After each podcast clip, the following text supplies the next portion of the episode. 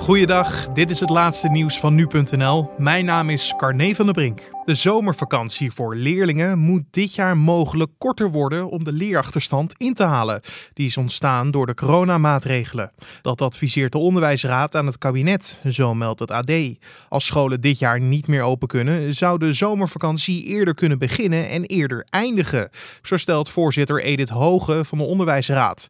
Veel ouders en docenten klagen volgens haar nu al over de hoge werkdruk die onderwijs op afstand met zich meebrengt. Een andere optie is dat het kabinet kan overwegen om in het volgend schooljaar de lesdagen te verlengen, zodat er meer tijd is om de onderwijsachterstand in te halen.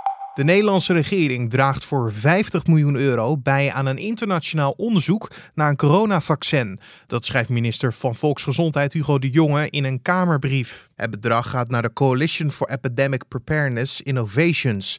Dat is een organisatie die onafhankelijk onderzoek naar vaccins financiert via donaties. De organisatie denkt dit jaar 875 miljoen dollar, omgerekend zo'n 804 miljoen euro, nodig te hebben voor het onderzoek. Een bedrag dat inmiddels voor zo'n 80% binnen is. Vooral door donaties van lidstaten van de Europese Unie. Begin mei kunnen de intensive cares weer op reguliere kracht draaien. Dat schrijft het Outbreak Management Team in een brief aan het ministerie van Volksgezondheid. Zo meldt RTL Nieuws. Volgens de brief zou op 1 mei nog 1200 mensen in IC-bed nodig hebben. En dat betekent dat de IC's weer op reguliere kracht kunnen draaien. 700 van die 1200 bedden zouden nodig zijn voor een COVID-19-patiënt.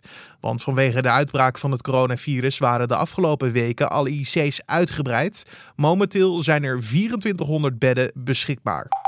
De Democratische Partij van president Moon Jae-in heeft bij de parlementsverkiezingen in Zuid-Korea de absolute meerderheid gewonnen. Zo blijkt uit de eerste uitslagen. Van de 300 zetels in het parlement heeft de Democratische Partij van Moon er 180 gewonnen. En winst van 60 zetels. De grootste oppositiepartij won er 103. In februari stond de partij van Moon nog slecht in de peilingen, mede door de stagnerende economie en diverse politieke schandalen. Maar dat is nu gekanteld. En tot zover de nieuwsupdate van nu.nl.